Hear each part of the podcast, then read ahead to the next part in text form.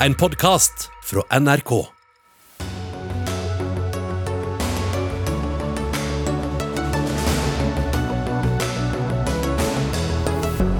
Halvparten av koronastøtten går til fem store selskaper. Hva med de små og mellomstore bedriftene, lurer SV på.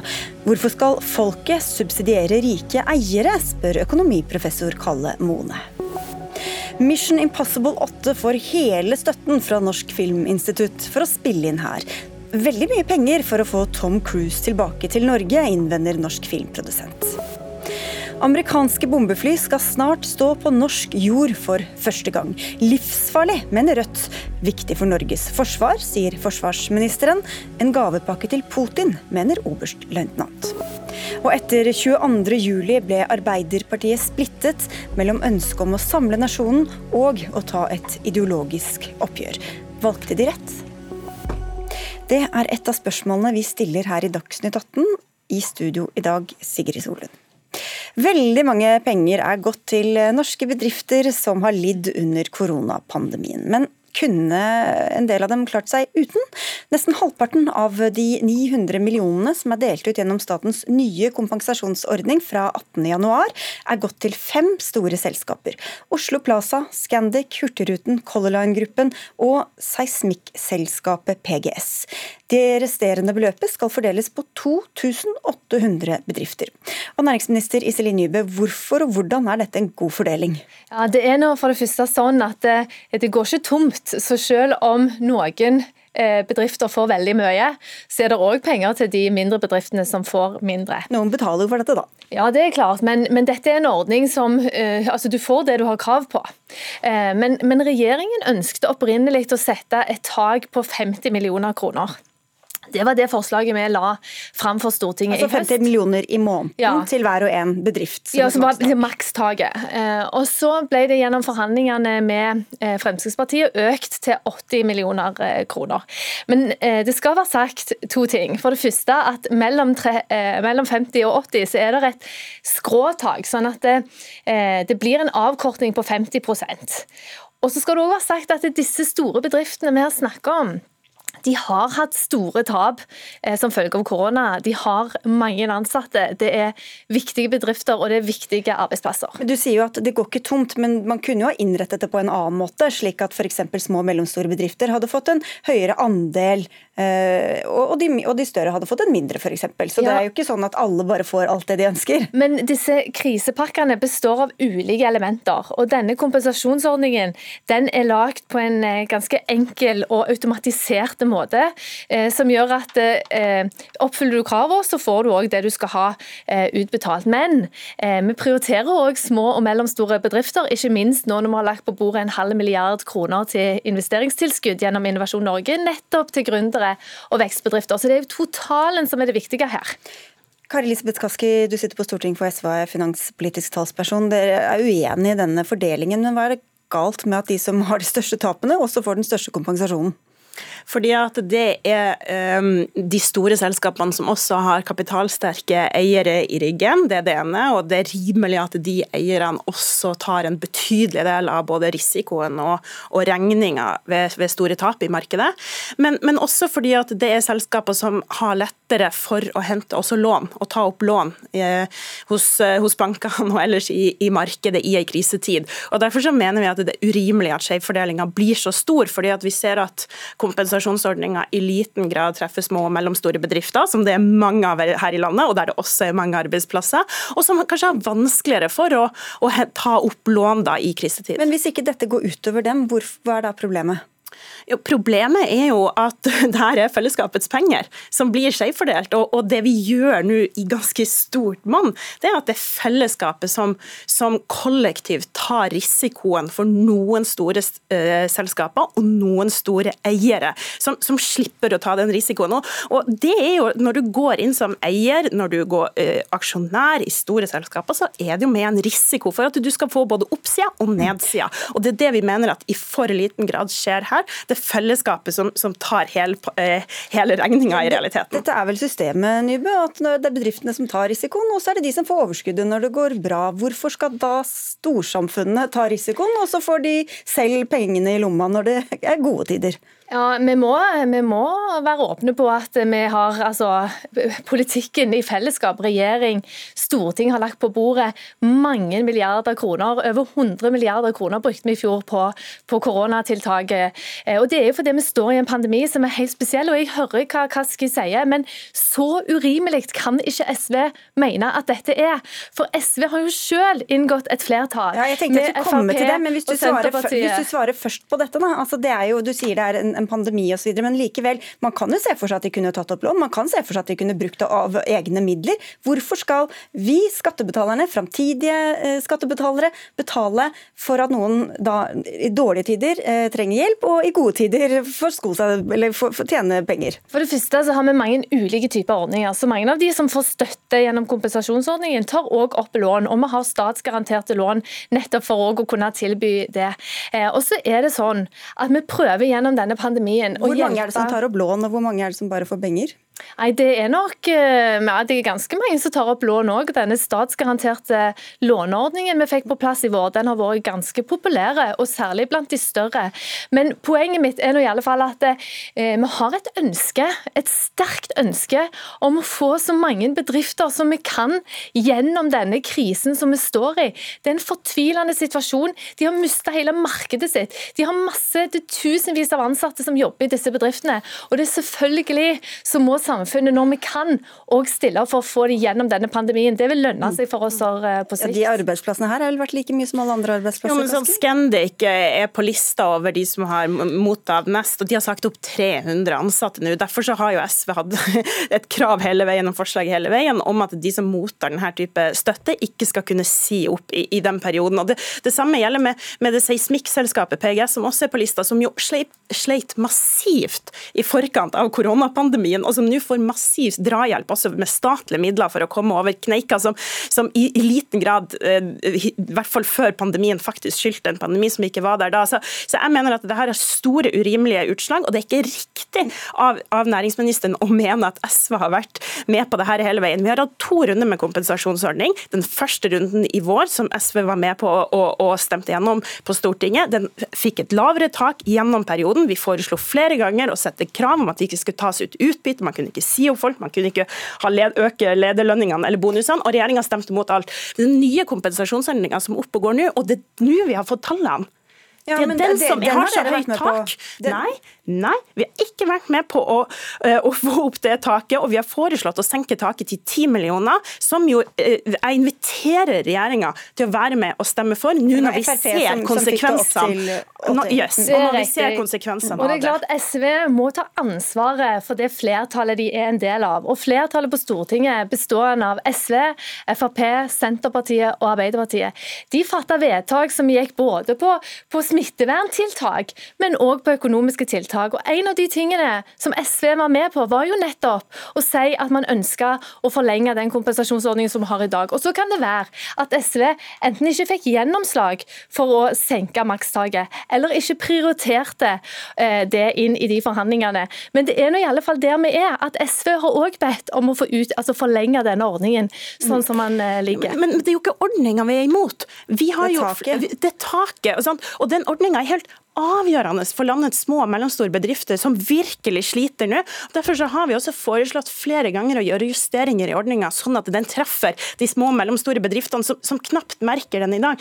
Den trengs jo for de. Så jeg igjen vil invitere regjeringa til å være med på det, sånn okay. at vi sikrer vi skal en få inn en annen tredjeperson her, men du skal få svare. Ja, for Det er totalen som betyr noe. og Nå har regjeringen lagt på bordet en milliard kroner til en ordning gjennom kommunene. En milliard kroner til omstilling. 500 200 millioner kroner Men, til innovasjonstilskudd. Okay, dette treffer de små, det, er, mellomstore det, og gründere. Men du, helt til slutt, hvis du klarer kort, Iselin Nybø. Du sier det er, det er, pandemi, det er jo en unntakstilstand, det er alle helt enig i. Men samtidig, hvor går den grensa? Altså, det kan jo være helt andre uforutsette saker som dukker opp. Det kan komme nye pandemier. Skal dette danne presedens for, for, hva slags systemer vi skal ha framover? Vi har nå innført de strengeste tiltakene vi har hatt i fredstid. Dette er en ekstrem situasjon som vi ikke har sett maken til i moderne tid. Det krever òg ekstreme handlinger når det kommer til økonomiske tiltak. Jeg mener at eh, denne regjeringen og det stortingsflertallet vi har, det, det styrer trygt og, og, godt for bedriftene eh, og arbeidsplassene framover. Okay, vet du hva? Vi takker av dere to, Kari Elisabeth Kaski fra SV og Iselin Nybø, for du ønsket en politisk debatt og ikke møte han som skal komme inn nå. Men vi skal få slippe han inn allikevel. For det er jo ikke bare politikere, det er også økonomer som har reagert på regjeringas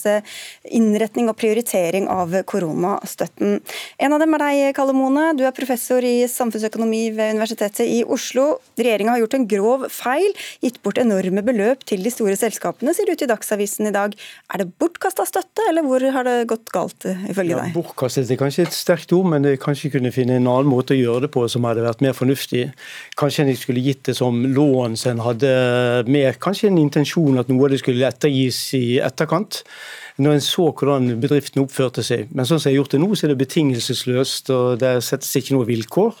Og En kan dele ut utbytte, en kan uh, si opp folk. Det, en får beholde pengene uansett. Så dette eh, virker ikke som en klok politikk. Men har bedriftene oppført seg så galt? Uh, I noen grad så er det eksempler på, på det. Altså, men uh, det gjenstår jo å se. Vi er jo ikke i mål ennå. så det, det de, er jo klare indikasjoner på at noen bedrifter betaler ut store utbytte.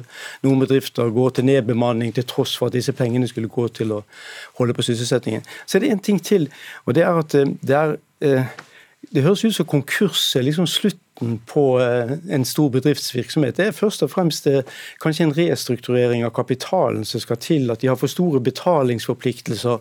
Og Kanskje en ønsker noe av dette, den restruktureringen. Det er færre konkurser i år enn det var i 2019. Og en skulle jo tro at det skulle være mange flere konkurser. Eh, det er også flere nyetableringer i år.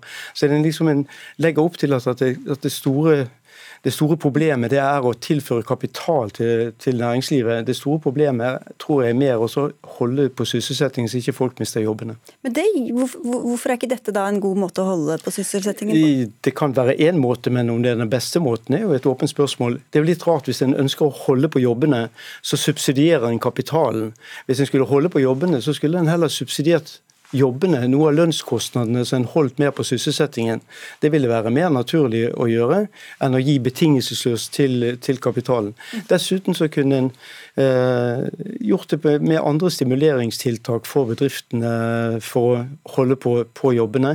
En kunne også gjort noe av dette til å gi mer makt til de ansatte, ved f.eks. at noe av midlene som ble overført, eh, de var egentlig aksjer til de ansatte. Det ble tilført kapital til bedriftene, men det var de ansatte som eide det.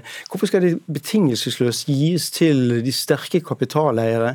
Det er veldig forskjell her på små bedrifter og på store selskaper. Små bedrifter, eller små og mellomstore bedrifter, som det så pent heter, der er mye av bedriften det er liksom eieren.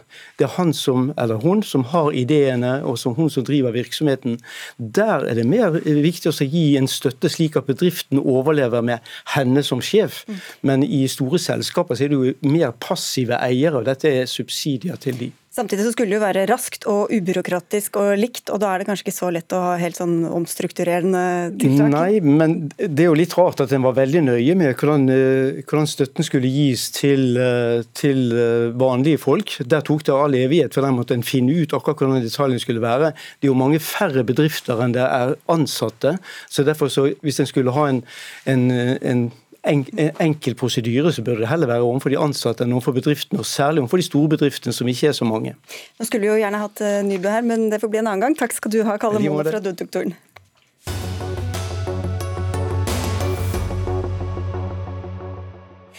Men vi holder oss til millionene, for Hollywood-skuespiller Tom Cruise og den nye Mission Impossible-filmen får eh, millionstøtte av Norsk Filminstitutt for å spille inn film i Norge. Gjennom en insentivordning som ligger innunder Kulturdepartementet, kan film- og serieprosjekter søke om refusjon hvis de produserer helt eller delvis i Norge.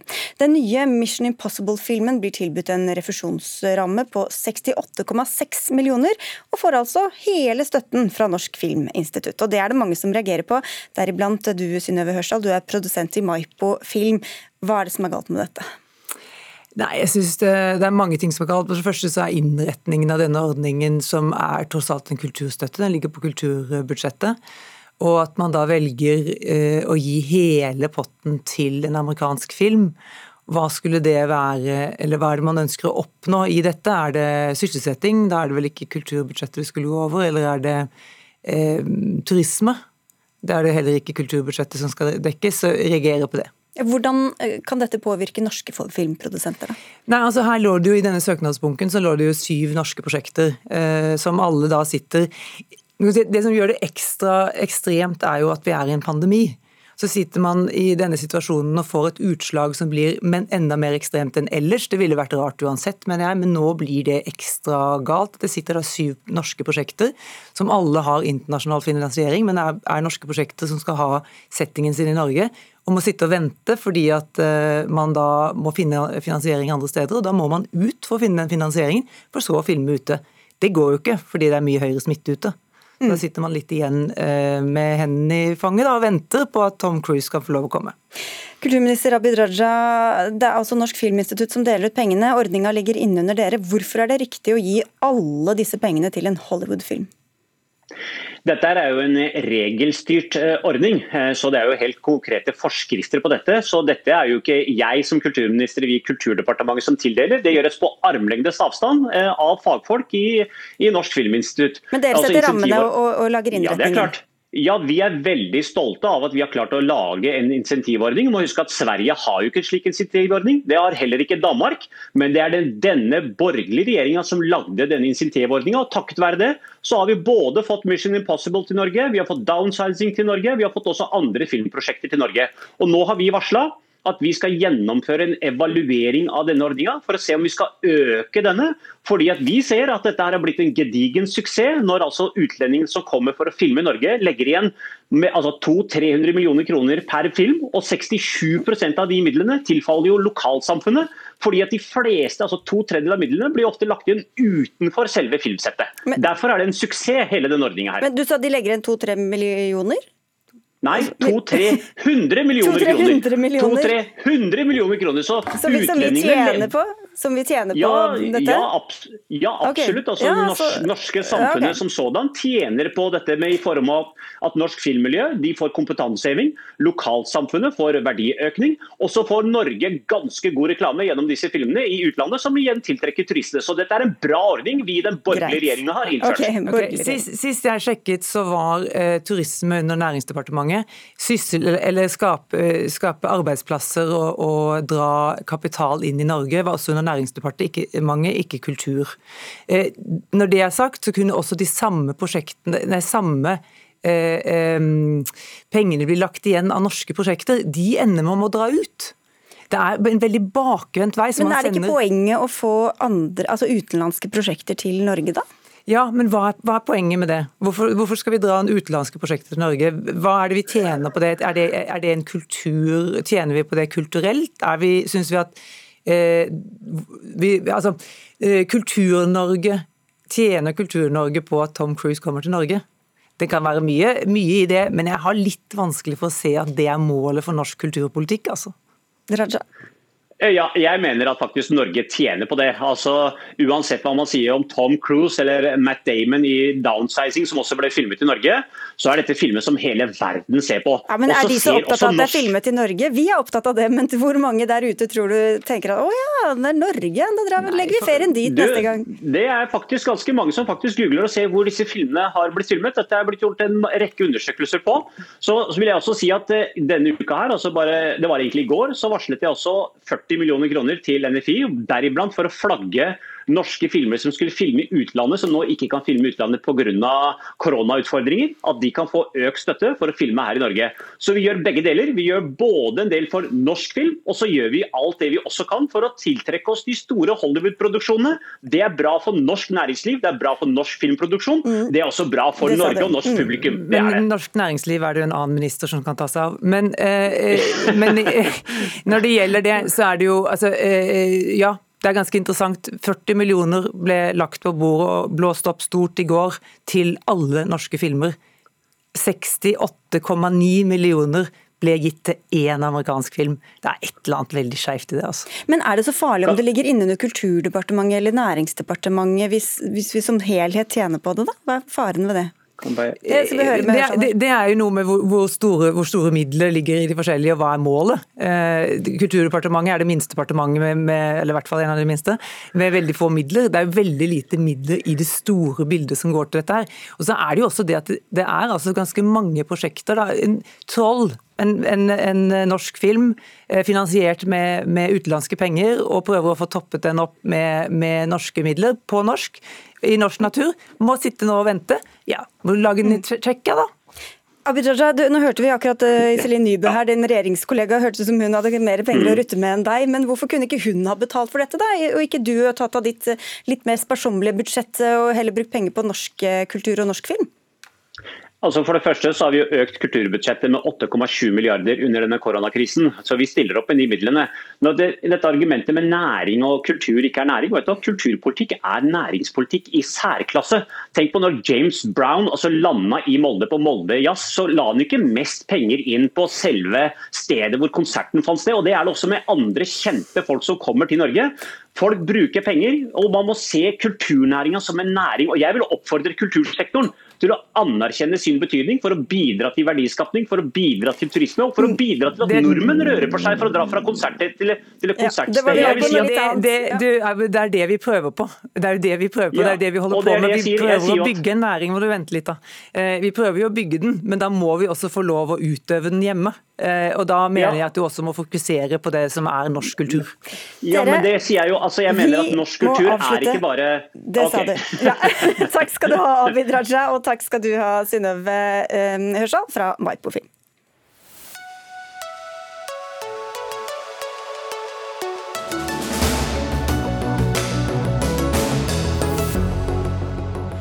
Om noen dager lander en amerikansk avdeling med B1 bombefly på Ørland flyplass i Trøndelag. Der skal de være i omtrent en måned. Det er første gang at slike fly tas imot her i landet, og ikke alle ønsker dem hjertelig velkommen. Bjørnar Moxnes, leder av Rødt. Regjeringa legger ut på et livsfarlig løp, sier du. Hva er det som er så farlig med dette? Nei, det er jo en del av et uh, mønster vi har sett siste årene, med stadig mer opptrapping mellom Russland og USA i våre nærområder. Uh, I nord, uh, med bl.a. økte anløp av amerikanske atomubåter, både i, i, Bergen og Tromsø. Og nå også for første gang da, siden 80-tallet, B1 bombefly på norsk jord. Vi tror at det er norske interesser at vi beholder en, en lav spenning i nordområdene. Vi har lyktes i mange hundre år, også lenge før Nato, å beholde freden med en tidvis ustabil og tidvis farlig nabo i øst. Oppskriften på mer spenning, mer krigsfare, er jo at vi pøser inn stadig mer amerikanske atomvåpen, amerikansk krigsmateriell, i regionen. Og Det er, dette som er problemet med anløpet av disse bombeflyene. Det er en del av en opptrapping som vil føre til motsvar fra russisk side, som igjen vil føre til mottiltak fra amerikansk side. Og så har du det gående i en spiral oppover, som vi ikke er tjent med i forhold til norske interesser av å ha mindre spenning i nord. Ja, hvorfor skal vi ta den risikoen, eh, forsvarsminister Frank Bakke-Jensen? Altså, vi er en del av en eh, forsvarsallianse. og eh, Det å være en del av en forsvarsallianse innebærer òg at vi er med på de eh, operasjonene og øvelsene som foregår, sånn at vi skal kunne samhandle med våre allierte. Det at det er et økt spenningsnivå i nord, er ikke for at amerikanerne primært er til stede. Det er et, en spenning som har økt over tid. Vi ser en mye mer, mer, aktive nabo i øst. Men Kan det være en sammenheng her, da? At det ene, at det, kan det være en sammenheng her? At det ene genererer det andre, som så igjen genererer mer fra den andre jo, parten, osv. fram og tilbake? Ja, men Det er en illusjon å tro at, eh, at, hvis eh, vi i Norge bare satt helt i ro, så ville ikke det her skje. Vi prøvde det under andre verdenskrig. Eh, en av læringene etter andre verdenskrig for norske politikere det var at vi kan ikke stå alene. Og Det vi gjør nå, det er at vi driver og øver med våre allierte, sånn at vi skal være sikre på at det vi må eventuelt kunne gjøre i en forsvarsallianse, det skal vi kunne. Så, så bedriver vi to element, viktige elementer her. Det ene er at vi driver avskrekking ved at vi, vi viser tilstedeværelse med militæret militære vårt og med allierte. Det andre det er beroligelse. Vi driver altså et utstrakt beroligelseselement mot vår nabo i øst. Selvpålagte restriksjoner og tydelighet, tydelighet, på hva vi gjør. Åpenhet om hvordan vi øver, når vi øver og med hvem vi mm. øver. Det er en øvelse vi har gjort helt siden andre verdenskrig, og det er en øvelse vi er ganske gode på i Norge. Ja, vi, vi, brøt en kanskje ganske viktig barriere i september. Eh, da var vi med å seile eh, amerikanske krigsskip inn i russisk økonomisk sone. Eh, og Det var noe som den daværende sjefen for FOH advarte mot i forkant. Han sa at hvis vi beveger oss så langt øst inn mot russisk territorium, så vil det føre til russiske motsvar. Og Hvis formålet med politikken er to ting, da, som i hvert fall sies fra offisielt hold, nemlig avskrekking og beroligelse, så er det snart bare avskrekking igjen. Eh, og Da trenger vi mer av beroligelsen for å unngå et opprustningskappløp, som til syvende og sist vil føre til at de som blir fanget i kryssilden her, altså sivilbefolkningen, vil jo lide mest når stormaktene ruster opp eh, i det høye nord. Nå sier jo Bakke-Jensen at de beroliger også, men det hører jo til saken her selvfølgelig at dere er jo mot norsk Nato-medlemskap. Men så lenge vi er Nato-medlemmer, så må vi vel også kunne øve med de vi er alliert med. Man kan jo som kjent ikke være halvveis gravid. Jo da, men det har vært, eh, vært, en rekke selvpålagte restriksjoner også med Nato-medlemskapet. Eh, Bl.a. basepolitikken. At vi ikke skulle tillate permanente utenlandske militærbaser på norsk jord i fredstid. Den ble innført av Gerhardsen-regjeringa 1949, var det vel. Eh, den har den nåværende regjeringa etter vår vurdering begynt å undergrave ved å tillate disse såkalte ambulerende oppholdene av amerikanske soldater på, på, Værnes. Men uansett så ser vi jo at, at vi har hatt restriksjoner, nettopp fordi vi har hatt tradisjon i Norge for at vi har lyktes med å ha et fredelig naboskap med en stormakt i øst, som jeg sa innledningsvis tidvis er ganske ustabil, tidvis er ganske farlig, men det har vært fred. Også lenge før Nato ble funnet opp. Men hvis vi nå tillater at de amerikanske geostrategiske interessene, de har også en ny arktisk strategi, at de blir førende for norsk strategi, ja, da risikerer vi at vi også øh, forstått gjør amerikanerne en tjeneste, men svekker våre egne nasjonale interesser i nord. Ja, altså Nå strekker Moxnes vranglæra litt for, uh, for, langt. Det er De seilingene som vi har deltatt på, det er i henhold til råd fra den fagmilitære rådgiveren, som er forsvarssjefen. At det er noen ned i rekken som kan ha andre syn på det, det er OK. Men det er også sånn at Stortinget og regjeringa forholder seg til forsvarssjefen som fagmilitær rådgiver. Og så er deltakelse og det at vi øver sammen med våre allierte og deltar på operasjonene, det er nettopp det som gir oss mulighet til å drive basepolitikken vår, de selvpålagte restriksjonene våre. For at nå er vi med å planlegge de øvelsene og operasjonene som skal være. Hvis vi hadde snudd ryggen til, så hadde vi ikke kunnet påvirke denne type flyvning i det hele tatt. Vi er altså med på et lag og er med og også setter reglene for, for men, spillet. Men er du, er du enig at det har vært Unnskyld, er, er, er, du enig at det har vært en glidning her? At man, at man uh, på en måte uh, gjør mer av det som at, altså, legger seg tettere opp mot USA, gjør mer av det som kan oppfattes som aggresjon fra russisk side? Men glidninga her er jo, er jo bl.a. at russiske kampfly flyr angrepsformasjoner mot norske installasjoner. I glidninga her er jo bl.a. at Russ, eh, Russland øver i Den engelske kanal, i Kattegat og utenfor eh, britiske marinebaser. Ja, det er glidning her, men den måten vi uh, behersker beroligelse på, det er at vi deltar i Nato-operasjonene. Vi er ikke noen vasallstat, vi deltar. Vi er også med på planlegginga og kan kommunisere inn de selvpålagte restriksjonene og de ønskene Norge har i dette bildet. Men det var altså ikke Stumperud som advarte mot dette. Det var jo Forsvarets operative sjef, generalløytnant Rune Jacobsen, som i, september, i august til VG Advarte mot, advarte, unnskyld meg, advarte mot seilinger mot russisk eh, territorialfarvann. Eh, og så en måte senere så var vi med på det. Og Problemet er jo at man da på den måten er med på å bygge opp under spenningen eh, mot russerne. Hva skal man gjøre hvis russerne bygger opp under den samme spenningen? da? Skal, skal man selv bare late som ingenting? Nei, altså Vi er jo for et sterkt nasjonalt forsvar, hvor Norge er og innenfor NATO da, at Norge er Nato i nord. Det som skjer nå er at USA blir mer og mer Nato i nord også i våre områder. og Det er et problem fordi at russerne så lenge de ser på oss ikke som en farlig fiende, så er det håp for å bevare freden. Hvis russerne begynner å anse oss som en fiende og som et slags hangarskip for amerikanske krigsinteresser, ja da skal du se at du kan få langt farligere russiske mottiltak enn de vi har sett fram til nå programleder, Det konstitusjonelle i Norge det er at forsvarssjefen er fagmilitær rådgiver overfor politikerne. Det Moxnes forsøker, det er å dekonstruere det konstitusjonelle. Og så prøver han også å undergrave autoriteten til forsvarssjefen ved å løfte en general som er lenger ned i kommandorekka. Han er altså på tur til å fremme et rent anarki, også på militær side. hør på hva han sier, da. Det at, Rødt står, det at Rødt står for et sterkt norsk forsvar, det er bløff. Og det at Rødt prøver å deservere forsvarssjefen med å fremme en, eh, en som ligger lenger ned i kommandorekka. Det er deres måte å dekonstruere Men Det er jo lov å lytte til argumentene da, Bakke-Jensen, og høre på hva han har å si. Og så kan du jo være enig eller uenig. Det er ikke anarki. Det er ikke, det er ikke, det er ikke anarki, det er demokrati å ha meningsutveksling. Det er mange generaler som gir råd også til forsvarssjefen, men forsvarssjefen er den fagmilitære rådgiveren til det politiske Norge, og vi velger å lytte til ham. Vi skal lytte til en tredjeperson her. Eh, Tormod Heier, du er oberstløytnant i Hæren eh, og professor ved Forsvarets høgskole. Hvilke dilemmaer er det viktigste ved et sånt si, besøk eller samtrening på norsk jord?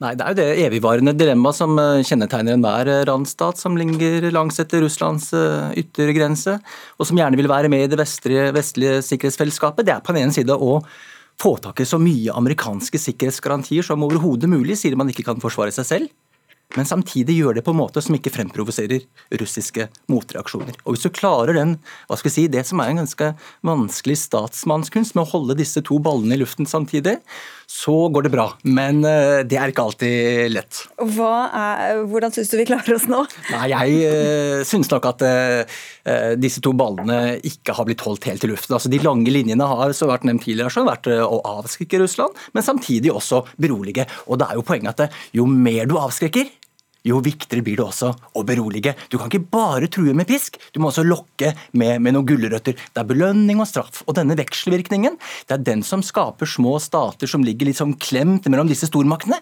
skaper et eh, handlingsrom som gjør at de kan manøvrere seg i havn på en måte som øker sikkerheten for seg selv og sin egen befolkning. Du skriver om dette i en kronikk i Forsvarets forum, og der stiller du spørsmålet om hvorvidt dette bidrar til å styrke eller svekke norsk sikkerhet. Hva svarer du selv på ditt eget spørsmål? Ja, Det svarer jeg på at isolert sett så er kanskje ikke disse bombeflyene sånn eh, veldig overraskende eller provoserende på russerne i det hele tatt, men det føyer seg inn i et mønster. Et mønster som vi har sett eh, siden 2014, da Russland eh, annekterte Krim, eh, hvor vi har sett en gradvis opprustning både i øst og i vest. Og eh, det området som er i midten, det er Norges viktigste strategiske nærområde, hvor vi henter ut enorme mengder med olje og fisk og gass, som gjør oss til verdens rikeste land. Men hva er alternativet, da? Alternativet er å prøve, og det er ingen det er ingen fasitsvar, det er kjempevanskelig, men det er hele tiden å prøve å balansere mellom å invitere amerikanerne inn, for å håndtere sikkerheten vi selv ikke klarer å gjøre alene, men på en måte som altså ikke fremprovoserer russiske motreaksjoner. Og Da kan man kanskje tenke seg at man kunne ha øvd f.eks. lenger sør eh, i Norge. Eh, man kunne tenke seg kanskje at man ville valgt raskere å bygge opp sin egen nasjonale forsvarsstruktur, slik at man kunne fått flere norske styrker tettere på de russiske grensene. For russerne de frykter jo ikke Norge med 5,3 millioner myggere. De frykter bare at Norge blir et springbrett for mm. amerikanske operasjoner. Hva er det USA vil her? Amerikanerne vil eh, flere ting. For det første så tror jeg at den største trusselen mot USA, den er jo ikke fra Nord-Korea eller Kina eller Iran eller IS eller terror.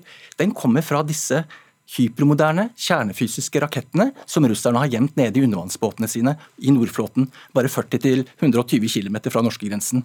Så den trusselen der er nok den største for dem. Men så ønsker de også å avskrekke russerne fra å ikke få kontroll i Norskehavet og i Nord-Atlanteren, slik at de selv kan komme over med troppeforsterkninger uten å bli forstyrret. og ikke minst være til stede i disse små randstatene som er med i Nato, for å berolige dem, slik at de selv kanskje ikke skal begynne å se som etter andre allianser, eller sågar undergrave troverdigheten til stormakten selv. Det er jo ikke så mange eh, utenrikspolitiske debatter i Norge. Stort sett er det ganske mye enighet, og det eneste vi stort sett snakker om, er jo hvor tett vi skal legge oss opp mot USA. Nå har det akkurat kommet en ny president der. Hva tror du det kan få å si for vårt forhold til USA på dette området? Jeg tror det at Det demokratiske partiet de har, i motsetning til den foregående Trump-administrasjonen, de har et mye tydeligere og sterkere idealistisk preg, mye mer verdipreget preg over politikken sin. og Det betyr at avstanden til Putin og Russland vil øke.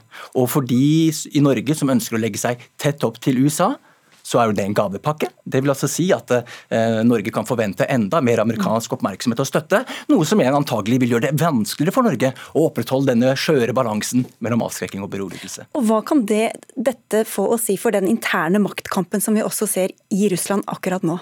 Ja, Det er ikke tvil. Det blir bare enda vanskeligere for de pro-vestlige kreftene i det russiske innenrikspolitiske landskapet å prøve å konsolidere et alternativ til det sittende regimet. fordi Putin kan jo egentlig bare si at se utenfor grensene, USA og Nato kommer nærmere og nærmere. Takk skal du ha, Tormod Heier, oberstløytnant i Hæren og professor ved Forsvarets høgskole. Takk også til Bjørnar Moxnes fra Rødt og til forsvarsminister Frank Bakke-Jensen.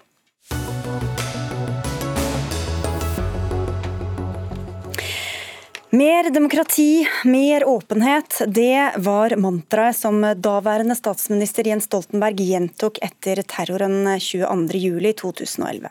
Folket og hele det politiske spekteret samlet seg rundt rosetog og fordømmelse av terroren, men innad i Arbeiderpartiet var det to behov som sto mot hverandre. Behovet for å ta et oppgjør og behovet for å samle nasjonen. Og Dette skriver du bl.a. om i boka 'Arbeiderpartiet og 22.07', som kommer ut i dag, Halvard Notaker. Til daglig er du seniorforsker ved Institutt for forsvarsstudier. Hvorfor var disse to hensyn eller behovene så motsetningsfylte?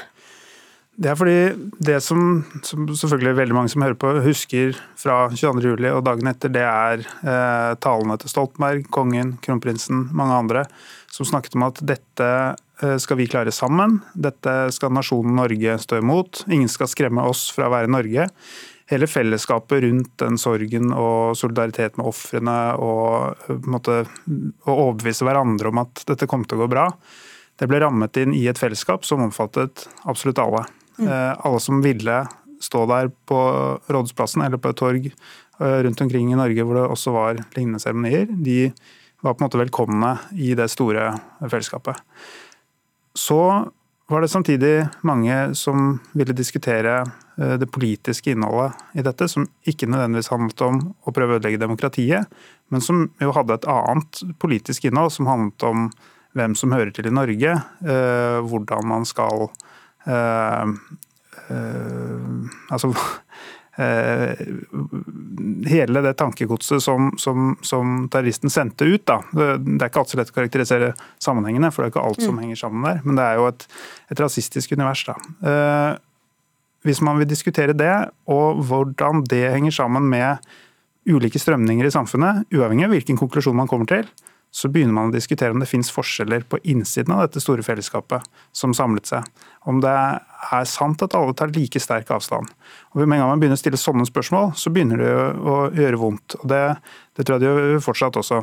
Eh, og, men det er konsekvensen av å trekke opp en sånn debatt. Eh, I Arbeiderpartiet så var det en del som ville spørre hva er forbindelsen mellom høyrepopulisme, høyreradikalisme, høyreekstremisme? Går dette helt inn i partipolitikken? Og da begynner man altså å snu seg mot hverandre innenfor nasjonalfellesskapet. Mm. Og det er vanskelig å gjøre de to tingene på en gang.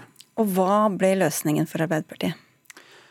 Nei, det, det ble på en måte, det ga seg jo fra begynnelsen. Fordi eh, statsministeren og hans eh, rådgivere i statsministerboligen de laget dette budskapet om, eh, om det nasjonale fellesskapet og demokratiet Eh, man, de begynte på det før man visste hvem som hadde gjort det. Så det var ikke noe sånn slags taktisk svar på et eller annet. Det, var, eh, det sto også delvis i planverket til eh, kriseplanverket til Justisdepartementet at man, man, må forsikre om at staten virker, at vi klarer dette. og Det er på en måte et svar som passer til alle former for terror og katastrofer. Så da kunne man ikke bare velge det bort etterpå. Men det fikk jo en egen verdi da, ved at kontrasten var å begynne å skille mellom ulike meninger, og hvordan de kunne finne sin plass. Dette husker sikkert mange også fra rettssaken, hvor, det, hvor, dette også gikk inn i debatten om hvorvidt han var utilregnelig, altså gjerningspersonen, eller om det var politisk drevet, hvor mye som, som, hang sammen med hva. Hvordan har dette preget Arbeiderpartiet og debatten også i årene etter 22. juli? Min bok er en historiebok fra 2011 til 2013, så jeg, jeg, eh, hvordan det liksom er fram til i dag, det, jeg, det, har ikke jeg forsøkt å finne ut, så da skal jeg passe på å ikke mene noe om det heller. Men eh, det var mange som ville snakke om det mer spesifikt politiske også.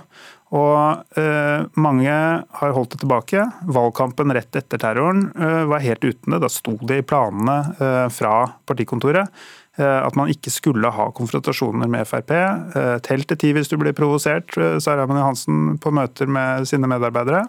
Men så ble det jo sånn etter hvert at det måtte åpnes noen ventiler, og de var det da særlig Raymond Johansen i partiet og så Eskil Pedersen og IAUF som, som da løsna på utover høsten 2011. Så det, er, det, var forsøk på å få utløp for det, men de måtte stoppe det. Stoltenberg ba dem om å dempe seg, rett og slett. Vi skal få inn en av dem du nevner her, men vi kan bare ha to gjester i studio av gangen av smittevernhensyn, så vi skal takke deg nå, eh, Halvard Nåtaker. Og så skal vi få inn to av dem som har fundert mye på akkurat dette spørsmålet.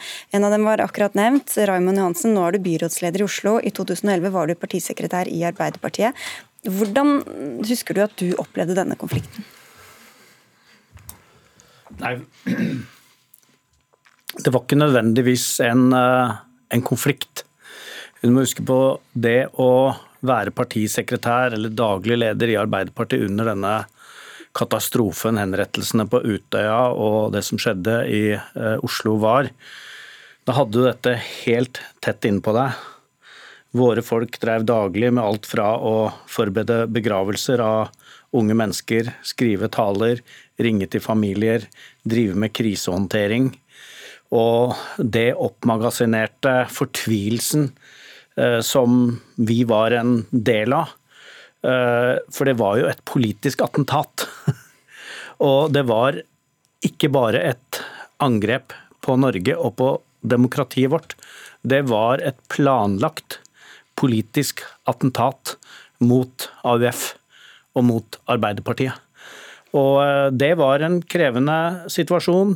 Jens Stoltenberg var landets statsminister og måtte ta alle de hensynene med å samle landet, få alle til å føle en felles sorg, mens mange av oss kanskje mente at det også burde være tid for et politisk oppgjør. Ja, for når jeg sier konflikt, så kan det like gjerne være indre konflikt hos dere som, som sto oppi det, og ulike hensyn man skulle ta. Hvordan, hvordan var de samtalene da f.eks. mellom deg og Jens Stoltenberg? Altså, øh, veldig øh, åpenhjertig og, og, gode. Og Jens og vi hadde gått veldig tydelig ut med rosetogene, være veldig samlende og veldig forsiktig på at eh, vi skulle bli på en måte angrepet, at eh, Arbeiderpartiet på noe som helst måte på en måte skulle bli tatt for inntekt, at vi brukte 22. juli, var veldig preget av en forsiktighet og redsel for det, som var fullt forståelig.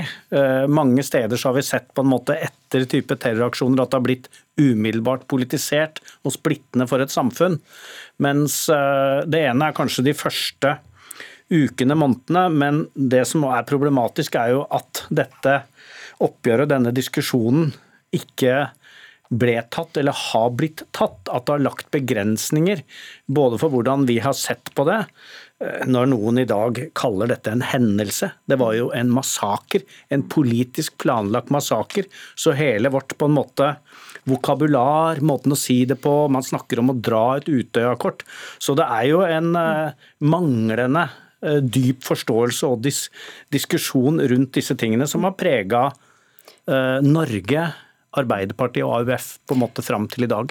Leder i AUF nå, eh, Astrid Hoem. Eh, ved siden av de som ble drept i regjeringskvartalet, så var jo dere hovedofre her. Mm. Du var der sjøl på Utøya. Hva slags behov var det internt i AUF også for å peke på dette, for å ta et oppgjør? Så jeg tror alle følte at det var et angrep på hele Norge de dagene som kom etterpå. Fordi man kom fra hele Norge. Og det å gjøre det også til et fellesskap å snakke om det. Det tror jeg var helt riktig den korte tida etterpå. Men så kom aldri det oppgjøret som man egentlig forventa at skulle komme. Det at man snakka ærlig om den ideologien som lå bak terrorhandlinga. At man snakka ærlig om at det var et nøye planlagt terrorangrep på AF sin samleir. At de som ble drept, ble drept fordi de var AUF-ere.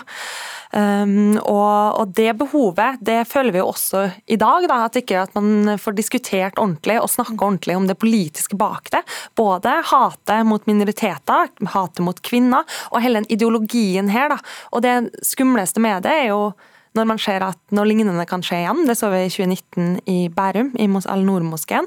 Og også da så stiller det opp til å bli debatter om debatter til andre ting, og der vi heller ikke får tatt oppgjøret, og det er det samme tankegodset. Men hva, hva, hvordan skal et sånt oppgjør være? Vi snakker jo når det skjer drap, eller når vi snakker om rasisme. Snakker, altså, hva er dette generaloppgjøret egentlig?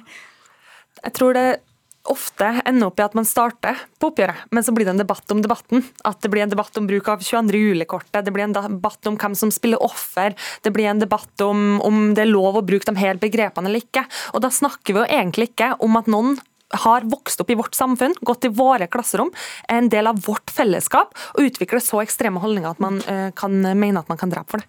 Veldig enig med Astrid i det. Det vi ser f.eks., så var jeg så naiv etter 22.07 at jeg trodde det skulle bli mindre hatretorikk. Mindre hat uh, i samfunnet. At man ikke skulle henge ut noen grupper. For det erkjennelsen av at en, en, handling har jo startet med en holdning, og en holdning du da kan representere på nett med et voldsomt hat. Men jeg har bare sett gjennom de årene som har gått uh, siden, at uh, det har bare eskalert. Det er, det er sterkere. Og det er det jeg mener liksom, med den på en måte ærlige renselsen om det. At det kan starte hos noen helt nærmest vanlig å gå til en sånn type ytterlighet at vi som samfunn har godt av å se hverandre i øynene og si det. Jeg tok bl.a. opp et oppgjør med det vi kaller snikislamisering. Altså bruken av ordet snikislamisering? Bruken av ordet snikislamisering, som også skrives i den boka, det er jo at man skaper et inntrykk av at i vårt samfunn så er det femtekolonister som prøver bakveien å innføre et annet type samfunnssystem. Og hva vil det føre til, på en måte? Både av holdninger og potensielt sett handlinger. Det er de tingene som Blant annet. Jeg syns det er viktig å diskutere etter, etter det som skjedde på Utøya. Hvordan har dere snakka om dette internt i AUF, eh, også da i årene etter? Så jeg tror det har vært berøringsangst i store deler av samfunnet. Også internt i AUF og Arbeiderpartiet så var det mange år der man kanskje snakka mindre om 22. juli. Husk på at vi fikk mange nye medlemmer som ikke hadde vært på Utøya. Og det var viktig for oss at eh, alle skulle være en del av å være AUF-er, uavhengig av om man har vært det eller ikke. Så de siste årene så har vi også snakka mer om 22. juli internt. For skal man klare å gjøre det eksternt, så må man også gjøre det internt. Men noe av det vi kanskje snakker aller mest om nå, er jo det at den beredskapen som man tok debatten rundt, den handla liksom om den harde beredskapen, om politi i gatene, om hvilke mm. veier som skulle bli stengt. Og vi snakka altfor lite om den beredskapen som egentlig er samfunnet rundt oss, mennesker. Det å kunne si fra mot rasisme når man ser det. Den beredskapen som stopper det som nører opp under hat. At beredskap er veldig mye mer da, enn det som egentlig har vært diskusjonen. Men hva, dette oppgjøret, jeg bare lurer litt på hvordan man skal ta det, er, er annerledes enn bare å snakke om sakene når de dukker opp, og om retorikk som ja, brukes? Men jeg, jeg, jeg, tror det blir litt en litt galt å si at det er jo ikke et endelig generaloppgjør. Nei, nå skal alle ut på plassen. Nei, det er ikke det jeg snakker om. Men det er liksom en åpen diskusjon om hvordan er det mulig å utvikle så mye, eh, så mye hat som kan føre til de type, de type handlinger. Det er ikke godt for samfunnshelsa vår å, å ha det. Og den type debatt og de erfaringene vi har etter, etter 22.07. Og så må jeg si en ting til når jeg også har Astrid her. AUF-ere, også de som har vært på Utøya, har stort sett etterpå bare blitt sett på som ofre. Det er mennesker som har opplevd, fått grusomme erfaringer, men også en kunnskap som dette norske samfunn burde benytte seg av mye mer enn bare å kalle de et offer. Det er også en del av det et oppgjør, en diskusjon for å bre ut hele forståelsen av hva den massakren på Utøya førte til. Men Du sa også Astrid Hoem, at også internt så har det opplevdes vanskelig å snakke om det. Ved å koble 22.07 til andre saker om ekstremisme, om retorikk, om politikk, kan andre som står for en helt annen politikk, føle at det, liksom blir, at det gjør det vanskeligere å, å, snakke om disse sakene? Jeg tror det er ekstremt viktig å gjøre det. Å si at 22. juli, det starta ikke og stoppa ikke 22. juli. Samme som eh, angrepet i Al-Noor-moskeen starta ikke og stoppa ikke i Al-Noor-moskeen. Drapet av Benjamin Hermansen starta ikke og stoppa det. det. Alt det her er historien om rasismen i Norge, og den farlige rasismen som tar liv. Og jeg tror Vi snakker ofte litt om det isolert, istedenfor å se hvordan er det denne type eh, ytre høyre får lov til å utvikle seg i samfunnet vårt, og som Raymond helt riktig sier, også har blitt sterkere etter 22.07. Vi har ikke klart å stagge det, det har blitt mer organisert. De skriver mer, de truer, de er med på så mange og bryter ned eh, ytringsfriheten til mange andre. Så det oppgjøret også er det viktig å få tatt. Ok, vi tok bitte litt her, i hvert fall. Takk. takk. skal dere ha, begge to, ledere leder i AUF Astrid Hoem og byrådsleder i Oslo Raymond Johansen.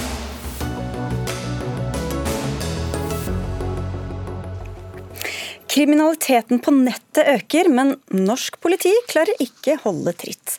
Det er konklusjonen til Riksrevisjonen, som publiserte en rapport om nettopp innsatsen mot nettkrim denne uka.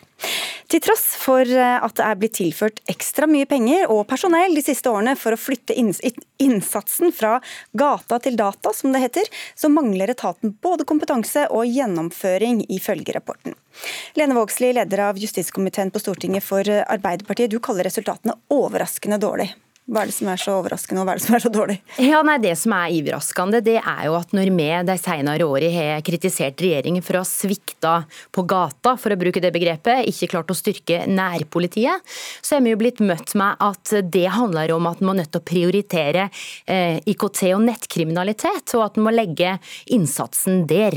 Derfor så er det en nedslående rapport eh, som viser at eh, regjeringas politireform ikke bare har utfordringer når det gjelder det nære, nære, men det er jo åpenbart òg på data. Ja, for Da har det vært mye snakk om overgrep mot barn osv. Som, som man skulle jobbe mot på nettet. da. Eh, vi inviterte justisminister Monica Mæland til å svare på kritikken. Hun sendte deg Tor Kleppen Settem, og det er vi jo glad for. Du er statssekretær i Justisdepartementet. Politiet mangler oversikt, de prioriterer ikke nettkriminalitet, det mangler kapasitet, samarbeid for dårlig. Dette er bare noen av hovedpunktene. Hvordan kan dette være resultatet når dere sier dere har prioritert dette området? Det Riksrevisjonen jo forteller, er en historie om en enorm satsing på politiet. Og Det er fordi det har vært en satsing i bredden på så mange oppgaver. Den skarpeste delen av beredskapen, beredskapen rundt i politidistriktene for øvrig. Og det har også vært en satsing på kampen mot kriminalitet på internett. Problemet som Riksrevisjonen beskriver, den beskriver jo en del av de satsingene som har vært, men de sier samtidig utviklinga går så raskt at vi må gå raskere frem. Eh, og Det er jeg helt enig i, og det er det Monica Mjelland faktisk også sier i den politimeldinga som Stortinget fikk tilsendt eh, mm. i sommer. Men Hvordan er det prioritert da, når man ikke har kapasitet eller oversikt eller samarbeidsevner? Nei, veldig, eller ikke evner, det var feil, men mangler samarbeid, da. Det er veldig mange utfordringer, utvilsomt. Bl.a. på samordning, på det å sørge for et mer nasjonalt blikk på ting, på å sørge for at ressursene brukes mer effektivt. Ja, men det Riksrevisjonen jo også sier, er at det er fordi utviklinga går så raskt. og Derfor hjelper det ikke at det blir behandla flere saker, håndtert flere saker. Vi må sette opp farta på en annen måte. Det er jo nærmest en uoverstigelig oppgave å ta tak i all nettkriminalitet, Lene Vågslid. Altså, jeg tror de som hører på her nå, hører at uh, regjeringen gjør det de plager å gjøre.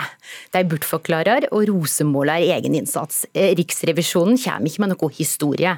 Riksrevisjonen kommer her med en ganske knusende rapport over at regjeringen, eller Justisdepartementet som det står, ikke har prioritert dette området.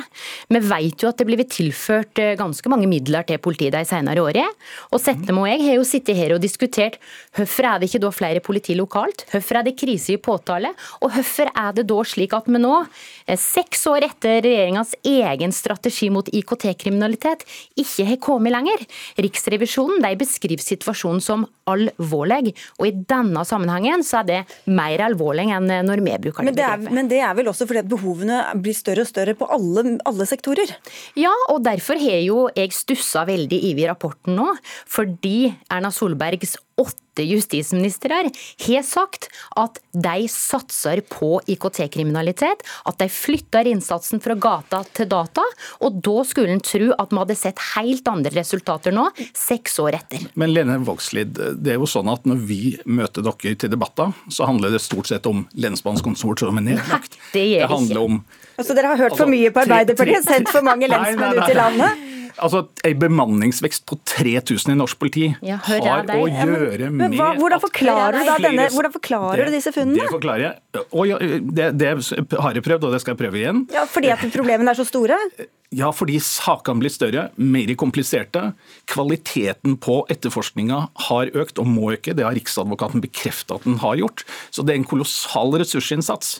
Men det som denne rapporten bekrefter, det er det bildet som Monica Mæland i politimeldinga, som Stortinget skal drøfte om bare to-tre uker, det hun prøver å beskrive der, er at vi må gå bort ifra bare å snakke om bemanning ute på lokale kontor.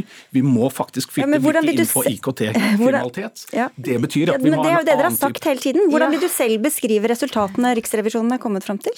Eh, jeg syns eh, de er tøffe, men de stemmer jo med det bildet som også vi har snakka om i både to og tre år.